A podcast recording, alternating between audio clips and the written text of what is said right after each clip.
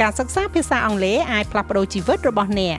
អ្នកអាចបង្កើនចំណេះដឹងភាសាអង់គ្លេសរបស់អ្នកនិងសិក្សាអំពីវប្បធម៌អូស្ត្រាលីក្នុងពេលតែមួយជាមួយនឹង SBS Learn English ស្ដាប់បានគ្រប់ទីកន្លែងតាម podcast របស់អ្នក sbs.com.au/ ខ្មែរ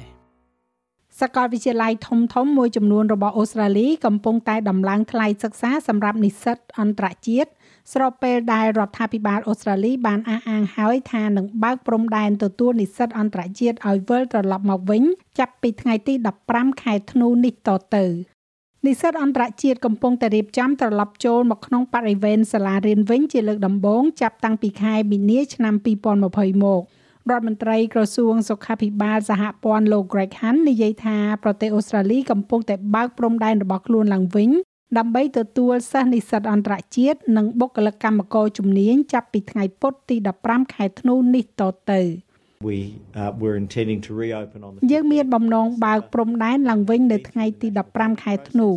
នោះបានឆ្លងកាត់ដំណើរការគណៈរដ្ឋមន្ត្រីជាតិ រដ្ឋវីតូរីកំពុងឈានទៅមុខកាលពីម្សិលមិញហើយដូច្នេះការបើកឡើងវិញត្រូវបានកំណត់ពេលវេលានិងបន្តទៅមុខហើយបានអះអាងកាលពីចុងសប្តាហ៍នៅក្នុងការពិគ្រោះជាមួយនឹងលោកនាយករដ្ឋមន្ត្រីការពិភាក្សាជាមួយនឹងគណៈរដ្ឋមន្ត្រីជាតិនិងការណែនាំពីប្រធានមន្ត្រីសុខាភិបាលប៉ុន្តែការដំឡើងថ្លៃសិក្សាមិនមែនជាការស្វាគមន៍ដែលនិស្សិតអន្តរជាតិបានសង្ឃឹមទុកនោះទេ លោក Sedman Arafat កំពុងតែសិក្សាផ្នែកវិស្វកម្មនៅសាកលវិទ្យាល័យ Monash ប៉ុន្តែគឺជានិស្សិតដែលសិក្សាពីនីសមុទ្រនៅប្រទេសបង់ក្លាដេសលោកនិយាយថាការដំឡើងថ្លៃសិក្សានេះគឺជាការទះកំភ្លៀងមួយដៃចំកណ្ដាលមុខ you need to understand uh, because we are not អ្នកត្រូវតែយល់ថាដោយសារតែយើងមិនអាចចូលទៅប្រើប្រាស់ទីកន្លែងនានានៅក្នុងសាកលវិទ្យាល័យ Monash ដោយដែលយើងបានសន្យានោះទេ នោះគឺជាកលៈទេសៈដ៏ខុសប្លែកមួយនោះគឺជាកលៈទេសៈមិនធម្មតាវាប្រហែលជាស្របច្បាប់នៅក្នុងការដំឡើងថ្លៃសិក្សាប៉ុន្តែវាពិតជាមិនមានក្រមសីលធម៌នៅក្នុងការធ្វើដូច្នេះនោះទេលោកអារ៉ាហ្វាតមិនទាន់ធ្លាប់បានឈានជើងចូលទៅក្នុងបរិវេណសាកលវិទ្យាល័យនៅឡើយនោះទេដោយសារតែ COVID-19 ឥឡូវនេះរូបលោកត្រូវបានគេប្រាប់ថានឹងត្រូវចំណាយបន្ថែមទៀតទៅឲ្យសាកលវិទ្យាល័យដែលលោកមិនធ្លាប់បានទៅទាល់តែសោះ the fees i'm paying uh ថ្លៃសាលាដែលខ្ញុំបង់នៅ Monash ពិតជាបានមកពីគ្រួសារខ្ញុំតើអ្នកអាចហៅវាថាម៉េចនិយាយទៅដូចជាប្រាក់សន្សំ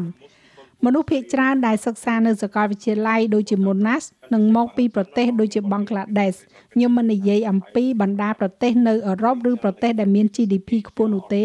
ប៉ុន្តែជាទូទៅនៅក្នុងតំបន់ដូចជាអាស៊ីឬក៏ដូចជាទ្វីបអាហ្វ្រិកដូច្នេះជាទូទៅយើងពិបាកនៅក្នុងការបង់ប្រាក់ណាស់ទៅហើយនោះហើយជាមូលហេតុដែលវាត្រូវដកចេញពីប្រាក់សន្សំផ្ទាល់ខ្លួនរបស់យើង ទិន្នន័យការិយាល័យស្ថិតិអូស្ត្រាលីចុងក្រោយបង្អស់ពីឆ្នាំ2019និង2020បានរកឃើញថាវិស័យនេះមានតម្លៃជាង37,000លានដុល្លារចំពោះសេដ្ឋកិច្ចអូស្ត្រាលីប៉ុន្តែចាប់តាំងពីពេលនោះមកវាត្រូវបានរងផលប៉ះពាល់យ៉ាងខ្លាំងដោយសារតែរោគរាតត្បាត COVID-19 នេះ។សាកលវិទ្យាល័យធំធំចំនួន3របស់អូស្ត្រាលីនិយាយថាថ្លៃសិក្សាមិនផ្លាស់ប្ដូរកាលពីឆ្នាំមុន ប៉ុន្តែទាមទារឲ្យមានការកើនឡើងនៅក្នុងឆ្នាំ2022នេះសាកលវិទ្យាល័យ Monash កំពុងបង្កើនថ្លៃសិក្សា6%ហើយនិយាយថានោះគឺស្របទៅតាមទិដ្ឋភាពទីផ្សារសាកលវិទ្យាល័យ Sydney កំពុងបង្កើនការចំណាយរបស់និស្សិតអន្តរជាតិជាមធ្យម3.8%ហើយនិយាយថានៅក្នុងបរិបទនៃតម្រូវការនិងទីផ្សារប្រកួតប្រជែងជាសកល ទន្ទឹមនឹងនេះសាកលវិទ្យាល័យ Melbourne កំពុងតែដំឡើងថ្លៃសិក្សាចំនួន3.2%សម្រាប់និស្សិតអន្តរជាតិនិងនិស្សិតក្នុងស្រុកហើយនិយាយថានេះគឺឆ្លុះបញ្ចាំងពីការកើនឡើងនៃចំណាយប្រតិបត្តិការជាប្រចាំ។ ប្រធានសមាគមនិស្សិតនៅសាកលវិទ្យាល័យ Monash ឆ្នាំ2022កញ្ញា Iska De Silva មានប្រសាសន៍ថាការដំឡើងថ្លៃនេះកំពុងតែដាក់សម្ពាធផ្នែកហិរញ្ញវត្ថុបន្ថែមទៀតដល់និស្សិតអន្តរជាតិដែលកំពុងតែជួបការលំបាកស្រាប់ទៅហើយនោះ There are so many international students មាននិស្សិតអន្តរជាតិជាច្រើនដែលមានការព្រួយបារម្ភខ្លាំងពួកគេមានភាពតានតឹងផ្នែកហិរញ្ញវត្ថុច្រើនណាស់ក្នុងរយៈពេល2ឆ្នាំមុន ហើយឥឡូវនេះត្រូវបង់ថ្លៃសិក្សាកាន់តែច្រើន នៅពេលដែលពួកគេជាច្រើននៅឯក្រៅប្រទេសហើយនៅតែព្យាយាមវិលត្រឡប់មកវិញនៅឡើយការកក់ជើងហោះហើរការកក់កន្លែងស្នាក់នៅពួកគេមានការចំណាយច្រើនណាស់នៅក្នុងការធ្វើដូចនេះហើយនឹងត្រូវបង់ថ្លៃបន្ថែមផងដែរពួកគេពិតជាព្រួយបារម្ភណាស់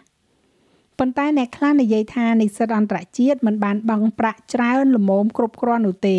សាស្ត្រាចារ្យរងនៃសាកលវិទ្យាល័យ Sydney លោក Salvatore Barbones មានប្រសាសន៍ថាសាកលវិទ្យាល័យមួយចំនួនត្រូវដកថ្លៃសិក្សាបរទេសចេញដើម្បីឲ្យត្រូវទៅនឹងថវិការបស់រដ្ឋាភិបាលដែលបានចំណាយលើការឧបត្ថម្ភសម្រាប់និស្សិតនៅក្នុងស្រុក We are essentially cannibalizing យើងកំពុងជំនួសការគ្រប់គ្រងពីរដ្ឋាភិបាលយ៉ាងសំខាន់សម្រាប់សាកលវិទ្យាល័យដោយមានគ្រឿងបរិខា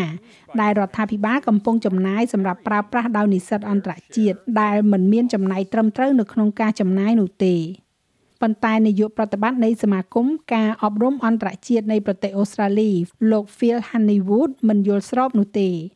when we have so many full fee paying នៅពេលដែលយើងមានការបង់ថ្លៃពេញថ្លៃជាច្រើននិស្សិតអន្តរជាតិដែលបង់ប្រាក់លើសពី1សែនដុល្លារក្នុងមួយឆ្នាំសម្រាប់ថ្លៃសិក្សាផ្នែកពេទ្យពេទ្យថ្មិញនិងសូម្បីតែសម្រាប់ទីផ្សារវគ្គសិក្សាក្រោយបញ្ចប់ការសិក្សាវាជាការលេងសើចទាំងស្រុងដែលប្រាប់ថាពួកគេមិនបង់ប្រាក់ច្រើនគ្រប់គ្រាន់ល្មមនោះ ពួកគេកំពុងតែបង់លើស3ដង ពីអ្វីដែលសិស្សនៅក្នុងស្រុកធម្មតាត្រូវបង់សម្រាប់វគ្គសិក្សាដូចគ្នានេះលោកមានប្រសាសន៍ទៀតថាថ្លៃសាលារបស់អូស្ត្រាលីគឺមានលក្ខណៈប្រកួតប្រជែងជាអន្តរជាតិចាស់ហើយរបាយការណ៍នេះចងក្រងឡើងដោយ Abby Denham និង Arina Lucente សម្រាប់ SBS News ហើយប្រាយសម្រួលសម្រាប់ការផ្សាយរបស់ SBS ខ្មែរដោយនាងខ្ញុំហៃសុផារ៉ានីចូលចិត្តអ្វីដែលអ្នកស្ដាប់នេះទេ Subscribe SBS ខ្មែរនៅលើ Podcast Player ដែលលោកអ្នកចូលចិត្ត